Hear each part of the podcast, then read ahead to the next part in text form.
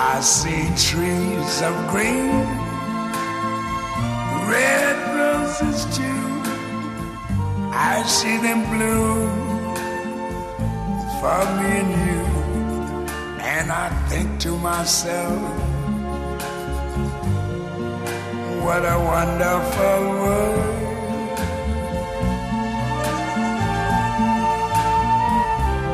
I see skies of blue clouds of white, the bright, blessed day, the dark, sacred night. And I think to myself, what a wonderful world.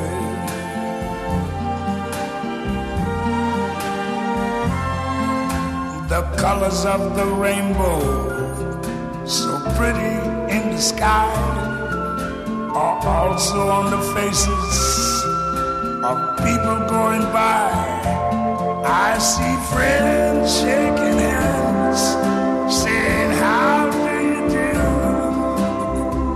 They're really saying, Pandemiak, itxialdiak eta kezkak gora bera, what a wonderful world, ez? Ederra da mundua, bai, maite. Zure konfinamentuak izan du soinu banda jakinen bat, ez dakit ode ilunak zetozenean? Bueno, hainbeste urtetan musika zingurauta egon ondoren, nik isiltasuna bilatu izan dut, azkenean isiltasuna ere musikaren parte bat da, ez? E, isiltasunak ematen dio musikari edo notari, ez, indarra, aurreko isiltasunak ematen dio. Eta ni gara jontan, e, bueno, bakardadean, gutxi gora bera, edo isolatuta, gutxi gora bera, eta gustatu zait isiltasuna.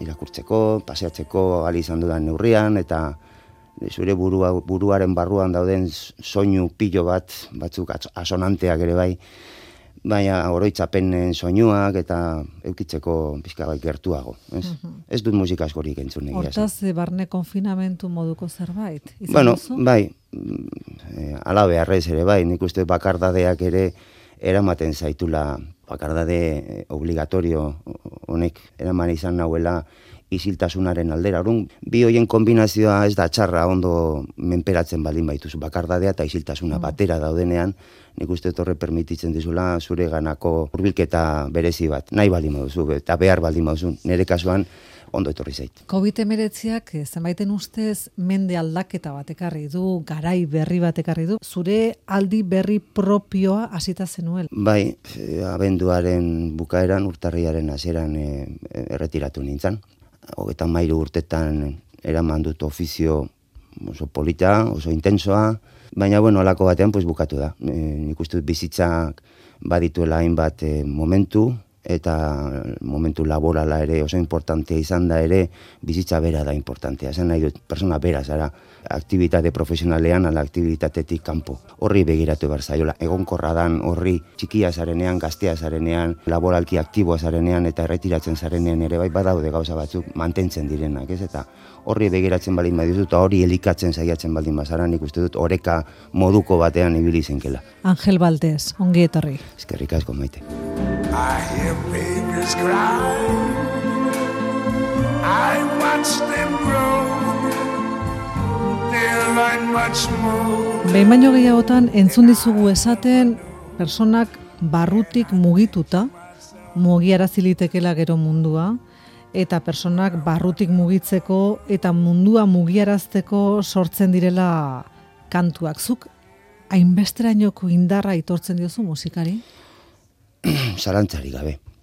Zalantzari gabe. Nola leike bestela mundu materialista honetan aurrera egitea, ez bada kasu intangiblea dan asmo poetiko bat, ez bada kasu konbentzimentua nolabait ere zure pairamenduak eta momentu zaiak eta ez bakarri zurea, zure familiarena, zure herriarena, zure kulturarena eta bar, ez?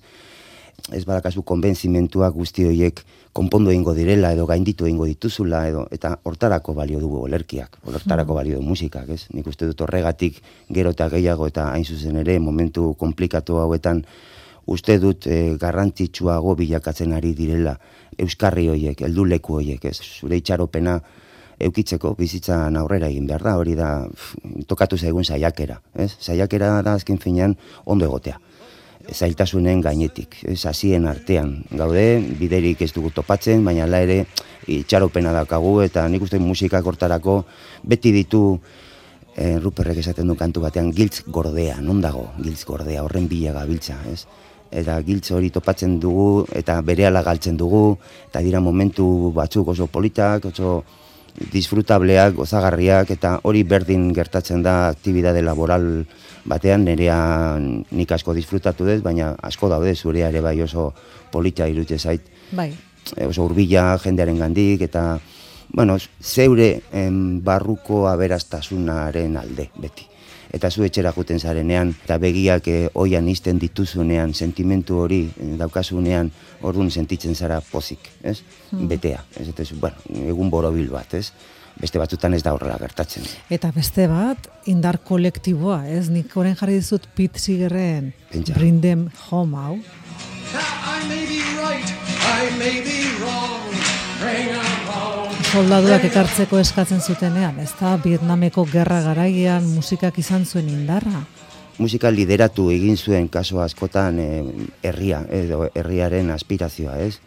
Nik uste dute orduan eta batez ere estatu batuetan, Europan ere bai, baina estatu batuetan sekulako e, protesta, sekulako bueno, manifestaldiak eta hildakoak eta polizien aurka garai hoietan krudelak izaten zian, orain ere bai, baina garai hortan legeak ere anparatuta egiten ziren olako hausak eta hala ere gazte guztiak hor kalean zeuden. Beltzak, oso oso gazte izan, oso, ume izango zen. Bai, ni berroetan mazortzikoa naiz, orduan garai hoietan, pues, amar urte, mar urte baino gutxiago, hmm. gogoratzen ditut, e, ontsa etortzen zian berriak, eta horrekin batera, batez ere musika iritsi zitzaigun, ez? Guzti horren, ez dakit, e, isla bezala edo musika iritsi zitzaigun. Eta ordutik hasi nintzen pensatzen musikak aintzinatu, lideratu dezakela herri mugimendu handi bat. Hmm. Euskal Herrian lideratu du? Bai zalantzari gabe, zalantzari gabe, eta oraindik ere badirak zenbait kantu herri osoa batzen dutenak, eta danok batu egiten gara hainbat kanturen inguruan,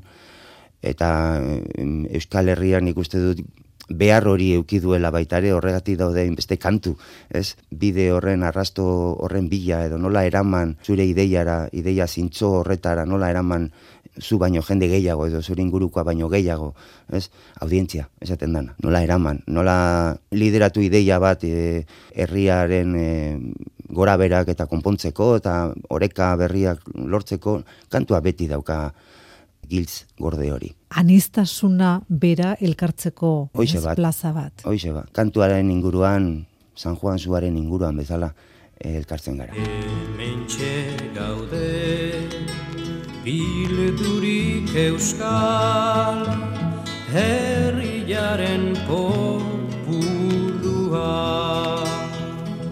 Txikitatik izan zarazu musikazalea, gazetatik kontzertu zalea ere bai, euskal kantarien kontzertuetan, irurogeita amargarren amarkadan, pentsatzen dugu metxeroa piztuta kantuan aritzen zen horietako bat, ez? Bai, bai, bueno, ni bilbokoa naiz, bilbon jaioa naiz, Euskaldun berria, orduan ikasi nuen, irutze zitzaidan etikoa zala. Eti, e, e, Euskaldunok edo Euskal Herria etika bat behar zuela, eta etika horren lehenengo maila hizkuntza bera dala, ez? Nola esan dezakezu Euskalduna zarenik e, hizkuntza jakin gabe, niri ni lotxa sentitzen nuen, oza, ja, amairu, amala urte, pizkate, zentzumena edo pizkate etortzen zaizun edo kalean hasten zarenean konturatzen, ez? Pues bueno, erabaki hori hartu eta ikuste dut hortik hasita, etika horretatik hasita, pues, e, musika izan da nere nik topatu dudan niretzako errezena, gustuagarriena, e, urbilena, unkigarriena izan da beti niretzat. Mm. Eta beti txikitatik mirestu ditut kantariak, txikitatik. Ni, ni kantari izan da nuen, beti amesten nuen estenatoki baten gainean kantatzen da jende asko niri begira. Eta noren kantuak e, gustatzen zitzaizkizu? Bueno, orduan e, etxean etortzen zian nerea nahi zarrenen atletik eta etortzen zian kanpoko musika gehiena, ez? Creedence eta Pink Floyd, Beatles, Noski Rollins eta holako The Who, Zeppelin, olako taldeak asko entzuten genituen orduan gara hortan. E, gero alako baten, pues, e, hasi ziran e, iristen etxera, pues, leteren lehenengo singelak eta lertxundiren lehenengo gauz, laboa, nola ez, klasiko hoiek, ez, eta klasiko hoiek izan dira nola baiteren nere, bueno, nere gida, ez, ni klasikoa naiz. Ez orain gauza onak egiten ez direlako, oso onak egiten direlako, ez, baina klasikoek hurbiltzen gaituzte iraganera gehiago eta iraganean dago gure e, abiapuntua. Eta orduan abiapuntu horren bila beti egotea da polita. Eta kantuek hori tradizioa e, herri kantuek herri musikak hurbiltzen gaitu iraganera e, garai aurre industrializatura, ez? Bilbon jaiotakoa, oskorriren lehen kontzertua zuen etxe ondoan. Bilboko bai. deustun izan zen, eta zuan zinen, ez? Bai, berrota mar metrotara bizi nintzen, ni. Orduan, gauza asko gertatzen nahi zian Bilbon aldaketa, oskorri beti izan da talde berezi bat, eta Bilbon nola, nola ez, sekulako arridura, pozan ikuste dut sortu zuela Euskaldun berrion mundu horretan, ez? Aresti, garai hori izan Bilbon. Eta, bueno, pues oso atsegina da oroitzapen hori eukitzea. Zuk aipatu dituzu lete, lertzundi, bueno, aipatu zitezken laboa, imanol, ez, amaia zubiria, txomin artola, pantxo eta pello. Esan izan duzu haien kantuen bitarte egin dugula identitate bat, eta askotan ez garela jabetzen zein zaila eta nekeza izan den bide hori euskaraz egitea. Bai, asko kostatu da. Horregatik sentitzen dut orain pena, ikusita berriz ere zerotik abiatu behar ote degun berriro, eraikitako guztia berriz ondatu eindala edo desegin eindala edo urrengo belaunaldiak ez du laukiko gugandik e, guk landutako hori guk egindako saiakera hori edo horrela. Sektorea krisian dagoelako, diozu? Bueno, egoera katzera egin du asko momentu honetan ni badakit e, kantaria, musikariak eta hortara dedikatzen dian horiekin batera, noski e, estenatara dedikatzen dian guztiak, e, ekipoak eta teknikariak eta denetariko jendea, ze situazio gogorrean dauden orain, e, hoietako asko eta asko, segurazki, ari dira pensatzen ustea edo dedikatzea beste gauza batetara, hain gauza ederra izan da musikaren mundua, espektakuluaren mundua, jende jendearen ametsa piztea eta hori oso polita baita, ez? Horren zerta dedikatuko da jende guzti hori, ez? Kantuak egiten ez badira zer eukiko dugu, mendik aurrera. Asteak zenbat diren, ez dut kalkulatuko, ia hartu gabe, denbora pasa eginda, laburra izango zena, zeharo luzatu da, ta urte hasieran, beti lelo berbera, dugun bizi egiten du, eh? Oraingo elkarrezketa hau streaming bidez eta kamera batekin eskiniko bagenu ikusiko zenuten, ba, Angel Valdesek ez duela geldik e, egoteko zera hundirik, musikak e, piztu egiten duelako, emeaken doinu hauek entzuten hasi denean bezala, perkusioan hasi zinen, bai izetako grabazioak, e, eta karki argaraz, arkarazorekin eta muguruzatarrekin esan ozen kirrekorseko sortzaile bat. Eta berriz ere horrelako euskal musikaren estanda berriz ezagutuko ote dugun kezka hundiarekin, ez?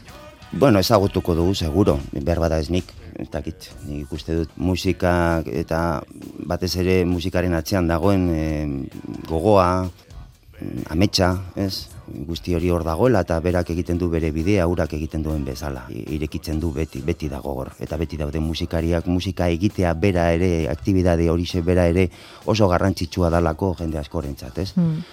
Zure hitzetan e, ikusten dut gehiago e, ari zarela, aipatzen, irekitako industria guztia horrekin batera eragindan e, momentua egoera indartsuagoa edo laro eta zazpian hasi nintzanetik e, 2008 urtera arteko epe horretan ikusi dut onditzen, ikusi dut sendotzen, ikusi dut e, zabaltzen, ikusi dut alegin pilo bat oso importanteak jende askorenak eta artista eta elkarte entitatek komunikabide askorenak e, Euskadi irratia barne, ez? Musikaren bitartez e, gure kultura ere sendotzeko, ez bakarri gure personak, ez? Eta momentu honetan badirudi pues reset bat etorri dala, abia puntu berri bat, batzuk eroriko dira, segurazki, beste batzuk jarraituko dute, niri hori pena ematen dit, berriz ere, reset horretan, abia puntuan berriz jarri behar izatea. Elkarreko aldia laro gehieta malauean hasi zenuen okrezpa gaude, Ai. zenbat kanturen produktore izan ote zara Uf, ez dakit, ez dakit. Bueno, ni daukaten percepzioa momentu honetan edo oroitzapena oso gozua da, jende niretzat garrantzitsua izan dan jende asko ezagutu dut. Personalki, persona horiek garrantzitsuak izan direlako, eta kantuak ezagutu ditut, kantuen elaborazioak ezagutu ditut, musikariak, sesioetan parte hartu duten musikariak horre sekulako aberaztasuna dago, ze jende zoragarria dan musikaria, ez? Musikari ona, musikari profesionala, horta da dedikatzen den persona, hortan sinisten duen persona erabat aktivitate honetan badaude beste batzuk, pues bueno, musika jotzen dutenak, musikari ona diena, baina euren bizi modua nola ere beste nonbaiten ateratzen normala da, herri txiki honetan eta merkatu txiki honetan, baina badaude batzuk selektiboagoak esango nuke, hortatik bizi direnak, hortan aposto eman dute, ze zaila da nori. Zaila da txikia zarenetik, inork ez dizu onartzen etxean, zuk esaten diozu zure aitari, zure amari, ama ni musikari esan nahi dut. Problema bat sortu diozu, zure amari. Mm. Ez? Zuk inoiz sortu zenio, lehen esan zenio. Nik problema asko sortu nizkion bai. Baina inoiz, e, e, ahoz gora esan zenuen etxean kantari izan nahi zenuela, edo segituan Bueno, ikusten gituzten etxean gitarrakin, da kantuan, da nik oso gaizki kantatzen nuen, eta orduan ama seguro zegoen ez nintzala kantari izango. Bai, baina zaila da. Bai. Zaila da. Etxetik bertatik ja austopoak aurkitzen dituzu, inork etzaitu animatzen, orduan nik uste dut importantea dala norbait eukitzea ondoan esaten dizuna ondo indezu. Talentoa landu, mm, lan egin asko, eta segi aurrera, e, ondo indezu, aukerak eta ona egin duzu. Zaila da, e, guraso batentzat onartzea guzti hori, ez? Umea, ateratzen dala nola baitere ekonomiaren bila dijoan estandar horretatik mm. eta bilatzen duenean bere on egotea bat, ez? Azkenean nik uste torren atzean badagola bizitzaren ezagutza, ez? Bizitza oso laburra da, orduan etorri zara ona e, alik eta oberen egoteko eta alik eta bizitza obeago iteko zuren ingurukoei, hori da. Mm saiakera, ez? Baina etxeko zeltasun horiek gaindituta gero jende asko dago benetan Euskal Herrian soilik musikatik bizi al izan dena edo dena momentu honetan? Ez asko, ez asko. Mm, salto handia da. Prezipizio batetik, amildegi batetik, zure burua botako bazendu bezala, baina seguritate bat daukazu. Ez? Nik uste horrek markatzen duela musikari profesionala Euskal Herrian batez ere. Ez? Salto hori emateko ausardia konbentzimentua, ez? Bera ere konbentzituta dago, ez bera ona dala edo bera bestea baino hobeagoa danik, ez? Batzik eta kantuaren bidez zerbait importantea egiten ari dala. Zu zer kutzi zaitu ase betetuta? Larogeita malauean elkarren ibilbide hori hasi zenuenetik, orain erretiro hartu duzun arte. Katalogo handi bat eh, osatu alizateko, katalogo garrantzitsu bat ordenatu, nolabait esateko, kudeatu, ahal izateko aukera. Elkarri asko zordiot, permititu ditelako nire erokeri guztiak martxan jartzea, eta katalogo nik uste dut herri musikaren inguruan kantagintza, herri musika, tradizioa, aktualidadea, nola baitere transmisioaren indar hori ikusteko, ez, e, zu jartzen dituzu elkarreko katalogoko kantu guztia bata bestearen atzetik eta Euskal Herriaren historia irakurtzen ari zara. Ezkenean kantu herrikoiak, momentuko gertaerak, momentuko e, ametsak kontatzen ditu beti, ez? Eta danak bata bestearen ondoan jarrita, Euskal Herri osoaren azkeneko berro eta mar irurogei urteko historia kontatzen ari zara, ez? Niri hori gustatzen zait. Eta play zerrenda horretan, zurean Euskal Herriko historian sartuko zenuken derrigorrezko play zerrenda horretan ze kantuk ezin dute gutxegin? Joder, hori oso galdera zaila da. Bueno, galdera erreza da, zaila da erantzuna. Da. galdera komprometitua da. Nik esan dizudan moduan klasikoen klasikoen mai, maitalean naiz. E, hori gustatzen zait. Euren jarrera, gero ere klasiko batek demostratu du urte askoan egondala, luze egondala horretan, aktibidade horretan, lotzen gaitu asko iraganarekin, asko erakusten digu, e, olerkiaz, bizitzaren dastaketaz, e, e, aratago joan da, esango nuke tradiziotik errekuperatu diren kantua direla garrantzitsuenak behar bada, baloreak endu gabe kantu aktualei, nik asko mirestu ditut azken garaian produzitu izan ditudan diskoen kantariak edo Ruper, Einaut, e, dakit, hainbat eta hainbat talde, jo, talde gazteak ere bai, lan egiteko aukera izan dut, hainbat jenderekin, izaki gardenak edo Joseba Irazoki edo Balestena edo mm, dakit, hainbat, ez, ez, dut, ez dut asko aipatu nahi, asko guztiko ditu dalako, maite ditu dan asko guztiko ditu dalako, baina kantu tradizionala batez ere eta iparraldeko kantua nik uste dut berezia dala guztien artean. Eta arago, atago joan da, zuberoan topatu du nik nire espiritua. Nik uste dut Euskaldunok zuberotik zela. Eta hurrengo bizitzan zuberotarra izan nahi nuke. Mm, aitortu behar dizut, nik ere duela urte gutxi deskurritutako lurralde badela, eta Euskal Herriko paraje bilduenetako bat, ezta? Bai, kantu tradizionalerako egina dagoela ematen du.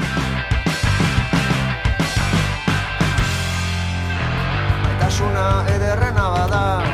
Zergatik horta ziluntzean Eskatasunarekin larrutan Maitale arriskutsu egia da Hortik ibiltzeko kontutan. Zeu eman behar Jaso behar dena jaso datan. Da inoronik denentzat Nokeztu maite askatasuna Azta lerdarin esku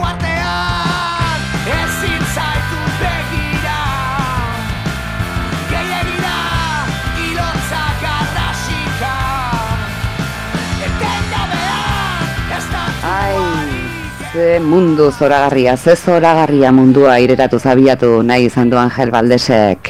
Ederra da mundua, konbentzituta esaten du, ederra da mundua bere isiltasunean ere. Ze horiek izan ditu lenda biziko hitzak, hainbeste urtez, hogeita amairuz lanari lotuta, eta lehenagotik bihotzez lotua musikari, isiltasuna bilatu duela azken hilabeteotan, bere buru barruko soinu piloa entzuteko, oroitzapenen soinuak entzuteko, eta egin du atzera gogoratzeko, eta errepikatzeko gaur ere, baduela fedea oraindik pertsonak barrutik mugituta mugiara zilitekela mundua, Eta horretarako sortzen direla kantuak, nola liteke bestela mundu materialista honi aurre egin. Zure pairamentuak momentu zailei nola egin aurre bestela, ez badaukazu konbentzituta denak gainditutko dituzula. Horretarako balio du olerkiak, horretarako balio du musikak. Aldarrikatu du baldesek musikaren indar kolektiboa, kantuaren inguruan, San Juan Suaren inguruan bezala inguratzen gara. Eta bera berriz, isiltasunean, musikaren beste alde horretan. Bueno, gure lanbide bereko lagun batek esaten du, erretiro hartzen duenerako amets bakarra daukala urtetan elkarrezketak egiten aritu ondoren, eta gustora aritu ondoren. Esaten du, jubilatutakoan, berak ez diola inori ezer galdetuko. Ba, alaxe, Angel Valdez ere, kantari frustratua, bueno, bale, hori asko esamar esatea da. Esan dezagun kantariei bide egiten bizitza egin duen kanten maitalea. Bueno, ez da ere, zehaztu dezagun geixiago, bizitza laborala ala egin duena. Ze berak esan bezala, bizitza bera da importantea. Pertsona bera zara aktivitatean edo kanpo. Egonkorra den horri begiratu behartzaio. Eta guk horri begira segitzea desio diogu. Berak airetatutako pistari segika. Non dago unean uneko gakoa, bizi giltz gordea, Ruperren kantatik. Angel Baldesek esan ez duena da, Ruperrek segitzen duela kantuan, geldirik goroldioari begira. Ezkilak entzuten dira. Geldirik goroldiari begira nago. Ezkilak gero eta urrunago.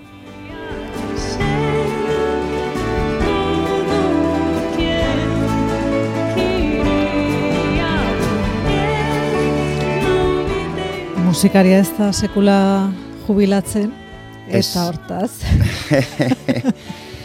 ez hori bitxia da, musikaria ez da inoz jubilatzen. Musika honekin agurtuko zaitugu, guretzat e, zuk isilunea bilatzen duzun aldi honetan, guri berriz e, asko betetzen gaituelako, besteak beste ekarri diguzun soinu banda honek. Angel Valdez, eskerrik asko. Eskerrik asko, mete.